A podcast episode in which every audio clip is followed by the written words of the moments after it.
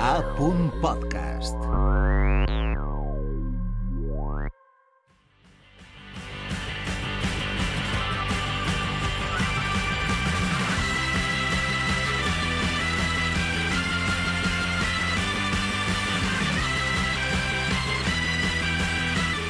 Després d'unes quantes setmanes sense passar per ací, torna la nostra companya Marta Pasqual a visitar-nos perquè obrim meló. Molt bon dia, Marta, Bon com dia, estàs? Clara. Molt bé, de tornada ja. Mm, tu has estat molt bé. Em sembla que nosaltres estem bé per ací, però que tu has estat encara eh, millor. Confessa, d'on acabes de tornar? Eh, sí, massa bé he estat. Eh, Vinc de passar uns dies a Xile i m'ha paregut un lloc increïble, Sí. amb una natura espectacular i on a més he après moltes coses boniques i no vos he dut cap postal, No, ja he vist, ja he vist que no. però Ni jo crec que és souvenir millor... vos he- tampoc, eh? No, No? bueno, No, un no. souvenir que vos he portat és un meló per obrir. Ah, val, vinga, perfecte. Doncs mira, t'he de dir primer que em fas molta enveja, perquè és un país que no conec i que m'agradaria visitar. Eh, però vinga, de moment em queda amb eixe souvenir, amb eixe meló. De què va la cosa exactament? Avui vos propose reflexionar sobre la nostàlgia gastronòmica. Mm. És un terme completament inventat sobre la marxa, però que crec que entendrà a la perfecció qualsevol persona que hagi viscut lluny de casa Mm. i s'hagi sentit una punxa quan se'n recordava... a- Així parlé per experiència pròpia, Sí. de la truita de crelles de sa mare, per oh, exemple, no? Val, sí. Continuant amb la meva obstinació per demostrar el poder bestial que té la cuina per a connectar-nos i per a crear identitat, he volgut construir un pont radiofònic Mm. entre dos terres separades per més de 10.000 quilòmetres de distància. Per a fer-ho, primer vos he de presentar a una persona que està avui amb nosaltres a l'estudi. Ell és Chihuahua Salinas, xilè de naixement i valencià d'adopció. Bon dia. Hola, bon dia a totes. Què tal? Benvingut. Sí, eh, estem encantadíssimes, contentíssimes de poder-te rebre avui així a, a l'estudi. A més, m'han comentat que, que no només t'has volcat en, a, a entendre i aprendre sobre la cultura valenciana, sinó que, a més, el mous com peix en l'aigua en la nostra llengua, en la nostra cultura. Parla'ns primer de la llengua. Com, quan vas començar a aprendre-la? Eh, vaig començar a aprendre l'any 2016 o 17, si no m'equivoque, Uh -huh. eh, amb els cursos del Servei de Normalització Lingüística de la Universitat Politècnica de València i amb els cursos eh, ha sigut preparació suficient per poder certificar-me fins al punt de poder obtindre el nivell superior o el C2. Estic bocabadada, sí. Ui, Vaja, o sigui, té un valencià Sí, sí. perfecte en, en només 6-7 anys. Eh, jo crec que, bueno, més que donar-te l'enhorabona, eh, eh, és que no sé que, que, quin títol li podríem Quasi donar que- nosaltres per aquest interès Exacte. i pels resultats, Marta, de... Total. en sentir-lo. I, Clara, la cosa no queda ahí perquè l'última vegada que vaig Sí. veure a Xi, mm. en Benimaclet, saps on estava? No, on? Assajant amb la moixeranga. Ah, Conta'ns un eres poc... moixeranguer? Sí, sí. així sí. és, així és, sí.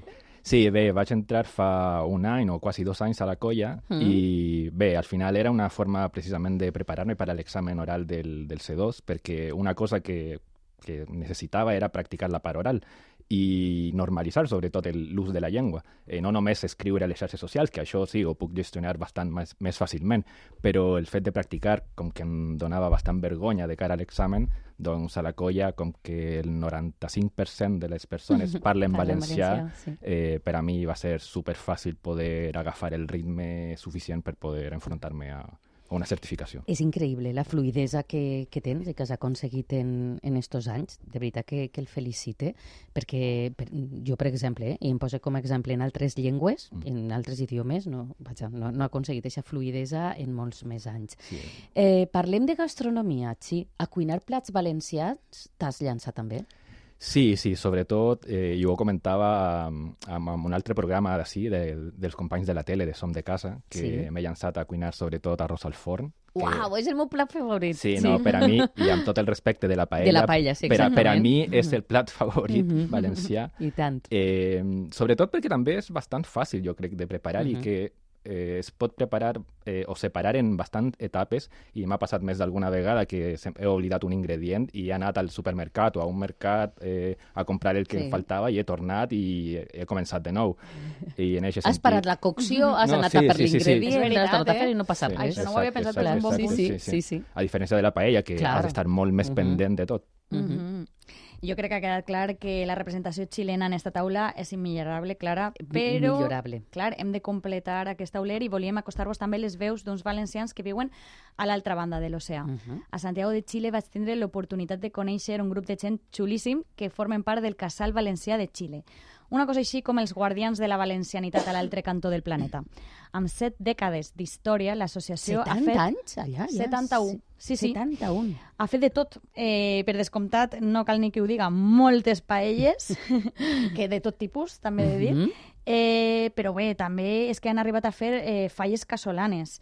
Eh, anem a escoltar a Pere Palés, el Sí. president del casal, que Mhm. ens ho contarà un poquet millor. Vinga. Ens trobem a Santiago de Xile, al barri de Ñuñoa. Em trobé davant de Pere i vull que te presentes a tu mateix i que me presentes este grup de gent que tenim al voltant. Bueno, primer que res, gràcies per estar així.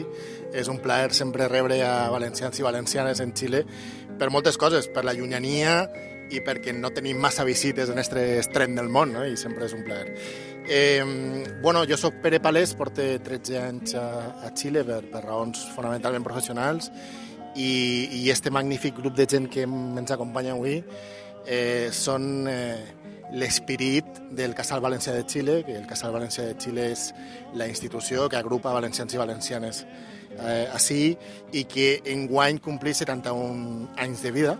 L'any passat celebrarem el 70 aniversari i és una tremenda responsabilitat per a nosaltres el, el, el estar espentant una institució que, que té tanta història no? i que hi ha hagut tanta gent que ha fet coses per este casal, que l'ha lograt eh, mantindre viu, de gent de tot tipus, gent que va néixer a València, gent que ha sigut filla, fill de valencians i valencianes, nets, netes, rebesnets, rebesnetes, i que continuen mantenint el vincle en València. No? I això per a nosaltres és, és brutal. No? Ixa, ixa valencianitat per elecció, en molts casos, és, és espectacular. Jo sempre dic que ser valencià de naixement té molt menys mèrit que ser valencià per elecció.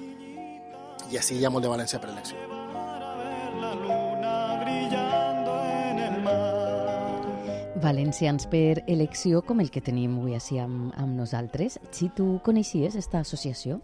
Sí, jo la vaig conèixer ja fa també un any, més o menys, quan Mhm. vaig coincidir amb Pere Palés, precisament, així al centre Octubre, Mm. i després ara el viatge que vaig fer fa, no sé, uns pare, un parell de mesos a, a Xile vaig quedar amb l'associació i vam parlar un poquet de, de tot i el, el que feien pel que fa a les activitats i vam fer un xicotet grup de conversa de, pel valencià i no sé, això jo crec que em crida bastant l'atenció perquè que a 11.000 quilòmetres de distància de la terra d'origen, per dir-ho d'alguna manera, hi hagi gent, un grup de, de gent que po- poden ser 10 persones, 30 persones, el que siga, estiguen in- interessades en poder valorar, preservar una llengua dels seus avantpassats. Jo crec que és super, super valorable. I És tant. meravellós. Mhm. Per a mi va ser molt interessant conèixer-los i descobrir la il·lusió que els feia reunir-se i parlar de la seva terra.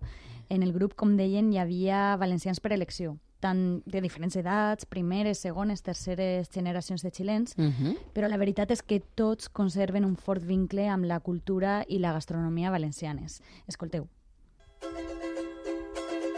Bueno, yo soy Daniela Sirvent, de alguna forma valenciana por opción. Viví seis años y medio en Valencia, en, partí el año 2011 para allá. Me metí a fondo a todo lo que pude a nivel cultural, artístico, impregnarme de toda la gente de allí. Y me enamoré de esa tierra. Eh, em dic Ernesto, eh, jo sóc de, de València també, del barri de Campanar i porto 11 anys ja a Xile.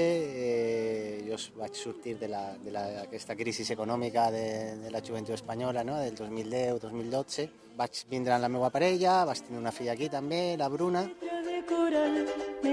Yo soy aragonés, pero eh, yo soy valenciano de adopción.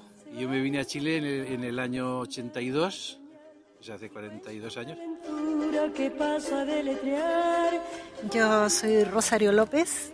Eh, mi relación con Valencia es que soy hija de un valenciano, un republicano que se vino en el año 50, que fue uno de los que inició la Casa Valencia en Chile.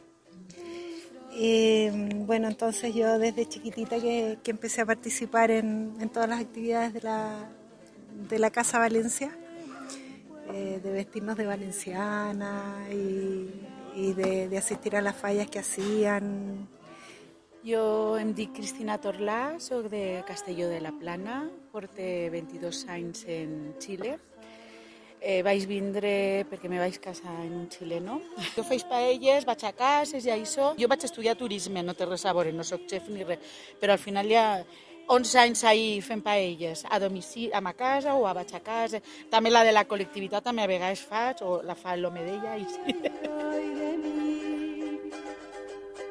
Em dic Isidro i, i jo vaig eh, vindre amb la, la meva parella, que és xilena. Ja fa set anys hem passat la pandèmia, l'estallido social, ara unes quantes cosetes més, i entremig eh, va néixer la nostra, la nostra filla, que es diu Laia, que ara té tres anys i és bueno, valencianeta més, una valenciana chilena.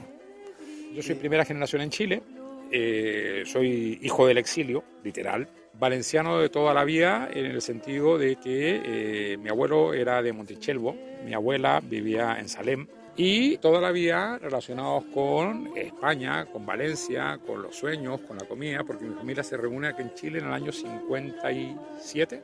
Yo tengo mala fama de que hago la falla, de que hago, bueno, cuando se podía hacer mascletada, yo no estaba prohibida, bueno, yo la fabricaba.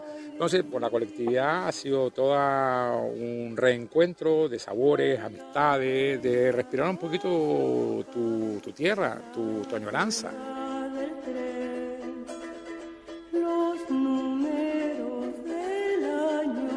A veure, a veure, a veure, o sea, Falles, tenim allí l'artista Faller de Sí, sí, i fa mascletaes, tot i les- que exacte. al final l'han dit que, estaven ojo, que, prohibides. estava- estava- que l'han No. dit, oye, que això no es pot Eso fer. no pot ser.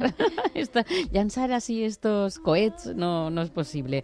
Eh, com penses que s'ho prendrien a, a Santiago? Sí, això de fer mescletades allà. Eh, és que, clar, eh, encendre una figura eh, allà té una, unes altres connotacions, Connotacions, així que clar, no, clar. no s'enteneria molt, però sí que en un, recinte, en un recinte tancat, crec que a l'estadi espanyol Mhm, d'allà sí que exacte. ho han fet alguna escolta, vegada. hem portat mascletades a Madrid, així A que veure, sí, sí, portar-ne a... és veritat, sí. Per què no traslladar-la no a l'altre costat a de Santiago l'Atlàntic? de Xile, clar. Jo no m'oblide que així hem vingut a parlar de menjar Mhm. i com és això de fer-ho quan estàs tan lluny de casa. Com ha sigut per a tu l'experiència culinària, Xic? Conta'ns un poquet de com te portes a la cuina valenciana. Ja ens has contat eh, la teva experiència a l'arròs al forn, però t'assalta a vegades també la nostàlgia gastronòmica?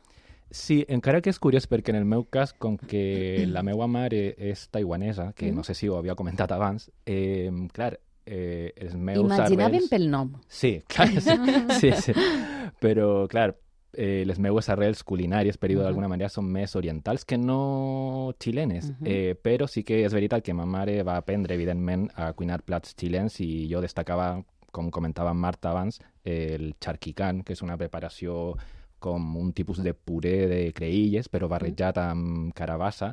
Aleshores té un, un color més, més taronja i està barrejat amb carn picada i altres eh, verdures i no sé, està, està molt bé. I crec que que és de les poques preparacions totalment xilenes. Eh, perquè, no sé, altres coses com empanades o els hot dogs en general són coses un poquet més universals, tot i que posem el nostre sabor particular Mhm. xilè. Però este sí que és més autèntic. Com, quin Sí. era el nom? De plat? Charquicán. Charquicán. Mhm. La gent del Casal de Xile em contava que, a banda de la llengua, no hi ha per a ells ferramenta més poderosa per a, per a evocar la llar ni pegament més potent entre ells que la cuina.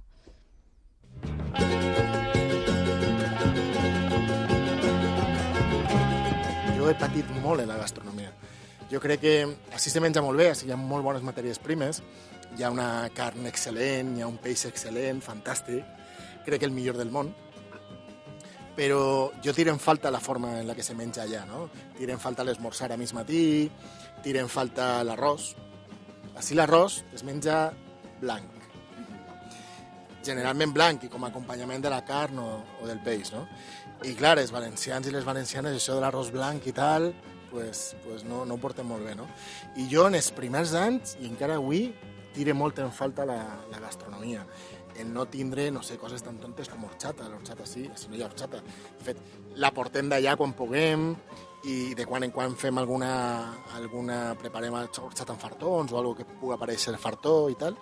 Però en general la gastronomia, que per a mi és un vehicle cultural únic, pues en el Casal Valencià el que tractem és de fomentar eh, la gastronomia valenciana. Fonamentalment la paella, perquè la paella és la gran representant de la gastronomia valenciana. Així hem començat fa uns anys a fer la paella eh, tradicional, valenciana, perquè així la paella es preparava de forma diferent i hem, i hem intentat sembrar en aquesta direcció. No? I ara el que volem és obrir un poc més la gastronomia, obrir-la a tres plats, com la fideuà, l'arròs al forn i no sé què, perquè creguem que la connexió que ho fa mitjançant la gastronomia en una cultura és irrepetible, no? I, i ens serveix molt, ens serveix molt per a, per a reunir-nos. La gastronomia és l'excusa per reunir-nos i, i per a nosaltres és fonamental, és fonamental la, la gastronomia. Però jo, jo ho passem ara, jo ho passem ara encara 13 anys després perquè tiren falta moltes coses, no? Perquè pareix que vivim en un món global on trobes de tot, però no trobes de tot. Una cosa tan simple com menjar, com ens pot transportar, com ens pot també fer patir quan estem lluny, no? La nostàlgia també es viu al, al nostre paladar, no només als ingredients, que tu has parlat de, dels ingredients, de les receptes, com la de l'arròs, però també a vegades de, del ritual amb el qual es menja. Mira, jo, jo només un, un apunt. Primer, la gastronomia és el, el vehicle que utilitzem per juntar-nos i per, i per de quan en quan compartir un rato junts. No? La gastronomia és, eh, anem a fer una paella, eh, juntem-nos per això. Però el que has dit és, és molt important. Jo crec que qualsevol persona que viu lluny, dona igual d'on siga i on estiga, jo crec que la nostàlgia és algo que acompanya permanentment. No? Jo crec que la nostàlgia és una enfermetat que, que de la que no te lliures mai. Hi ha dies que estàs més nostàlgic, dies que estàs menys, dies que t'oblides, dies que no pots viure, dies que... Jo crec que a tots ens acompanya la nostàlgia d'una manera o una altra, no? I, i, és, i és difícil, és difícil. Jo crec que és, és, és difícil de gestionar. No? I estos moments, com el d'ara, eh, en vosaltres, que, que hem tingut el gust d'estar així, és un moment en què la nostàlgia decau, no? Eh, te, sents, te sents part de, d'una colla de gent, estàs parlant en valencià, vull dir, són moments que, que t'ajuden a superar a superar aquest trauma, no? Però la gastronomia és, si jo tinc que triar, a banda de parlar valencià, que jo crec que parlar valencià és, és una eina també superpoderosa, però la gastronomia és el gran pegament que ens fa juntar-nos de qualitat.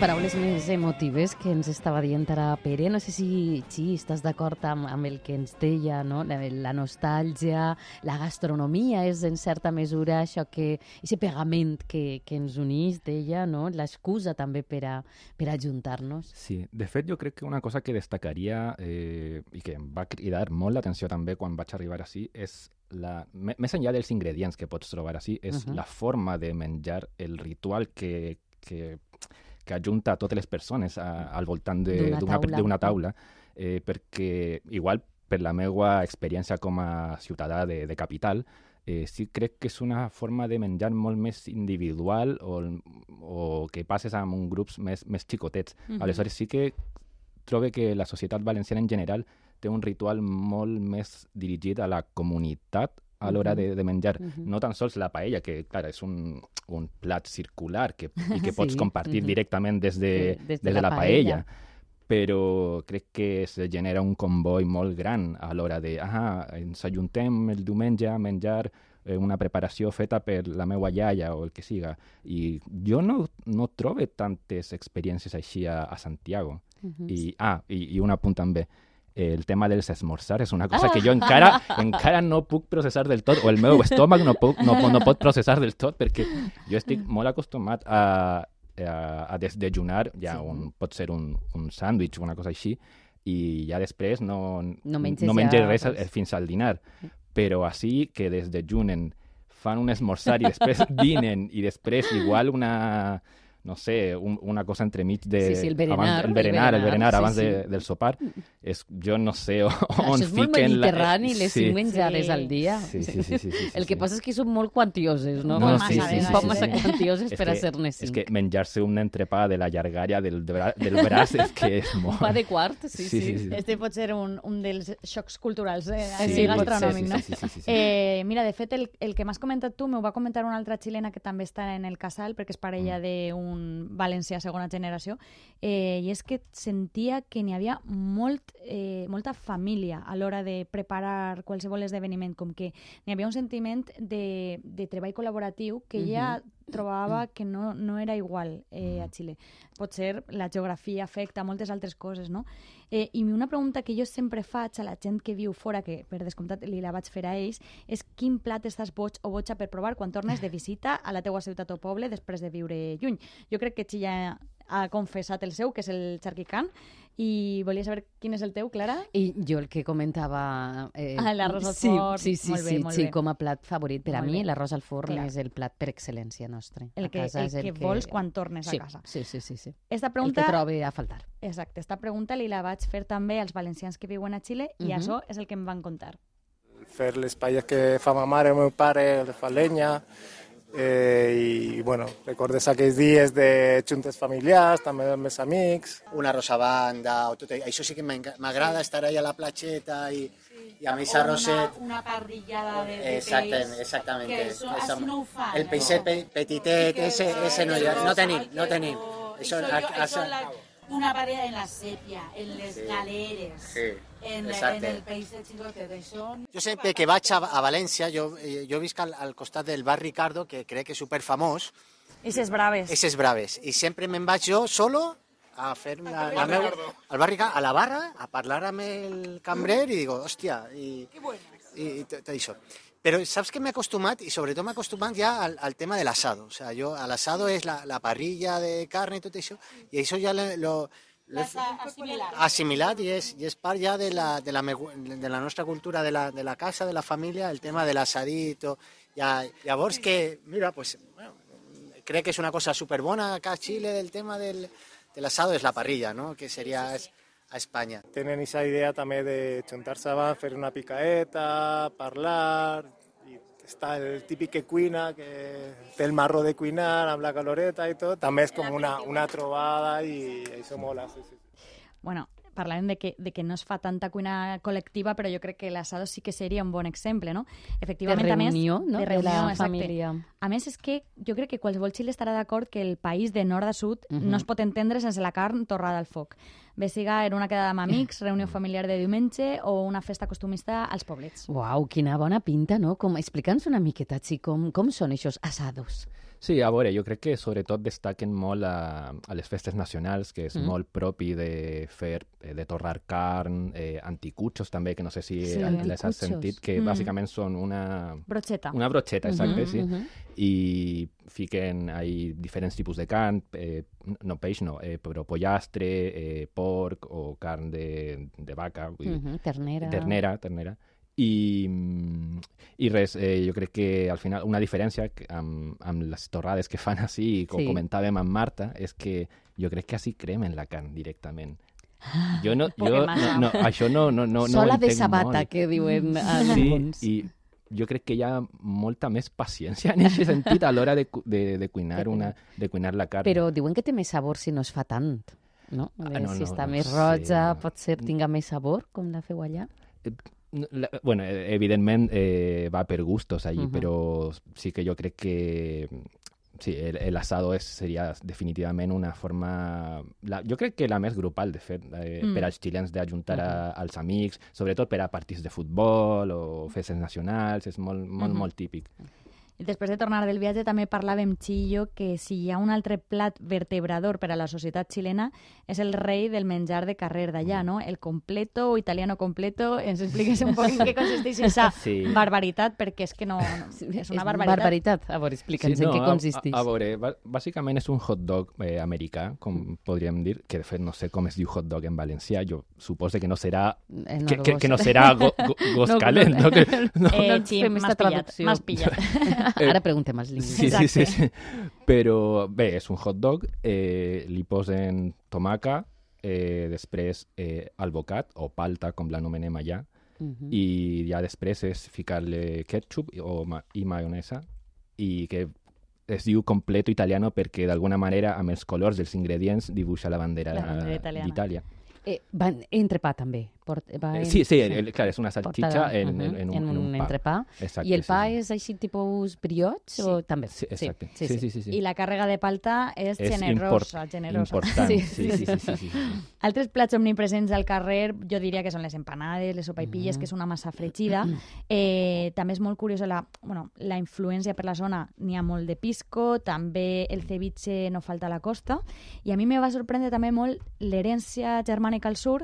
Eh, trobem un dels plats típics d'ahir eh, és els cruditos o tàrtaros, que és carn eh, crua amb llima i ceba. També se pot, eh, se pot adereçar amb mostassa i altres coses. I em va parecer molt curiós també un plat que he conegut al país que es diu curanto. Eh, Te'n recordes, Clara, que fa unes setmanes parlàvem dels putxeros que Sí, es fan arreu sí, del sí. món? Mhm. Doncs este és un dels més curiosos que he conegut. Combina marisc, com ara clòtxines, cloïsses, amb porc fumat Sí? i unes masses elaborades amb creïlla. I la versió més tradicional, que així ve la part més, eh, més xocant per a nosaltres, es cuinava com dient ells a l'ollo, dins de terra, amb els ingredients coberts amb pedres calentes i fulles gegants, que ho he vist en alguna festa costumista per ahir. Eh, I un altre costum diferenciador que m'explicava Ivana, una de les xilenes del casal, té una curiosa llegenda urbana associada i es diu once. Once es una merienda que se da habitualmente entre las 6 y las 8 de la tarde. Como mito urbano te puedo contar la- un poco la historia, donde se juntaban mujeres a tejer, pero la particularidad que tenían eran que ellas tomaban aguardiente. Y como el aguardiente era alcohol, no bien visto en la sociedad chilena, tiene 11, let- 11 letras la palabra aguardiente. Entonces la simplificaron como 11. Por lo tanto, eh, se juntaban en ciertas casas y la clave era eh, vamos a tomar 11. Y eso significaba tomar una taza o un vaso de aguardiente puro y después lo complementaban con el pan, que es un, es un pan batido muy simple que aquí se le llama marraqueta, con té, con té de hojas. Marraqueta amb, amb té, enginyós i amagat, amagatall del bici que tenen estes, estes dones. Ràpidament, sí, continua fent-se l'once, ara? Sí, totalment. Eh, jo crec que és una, un costum molt arrelat a la societat xilena eh, i sobretot a les classes populars, perquè com que moltes, moltes famílies no poden permetre's eh, el sopar, Mhm. al final comprar pa, un tros de pernil o formatge és la millor forma, amb, i complementat amb un té, de poder passar la fam en aquestes hores de la tarda. Doncs jo crec que amb este viatge d'anada i tornada a Xile a través dels plats d'ací i d'allà posem ja el punt i final a la secció Obrim-me-lo per esta setmana. Eh, Xi, t'agraïm moltíssim que hagis compartit totes aquestes vivències gastronòmiques amb, amb nosaltres i de nou enhorabona eh, per, per este valencià. I per Moltes gràcies. Gràcies per estar així. Volem enviar també una abraçada a, a totes les persones que de segur ens escolten des del casal valencià a Xile, no, Marta? Sí, una fortíssima abraçada a tots ells que em van rebre amb els braços oberts a Santiago Mhm. i que jo crec que ens han aconseguit transportar fins a la seva latitud a través de les seues veus. Gràcies a tots. Tornarem. Gràcies també a tu, Marta, per portar-nos este meló que ens ha encantat. T'esperem d'ací a dues setmanes. Adeu. Adeu.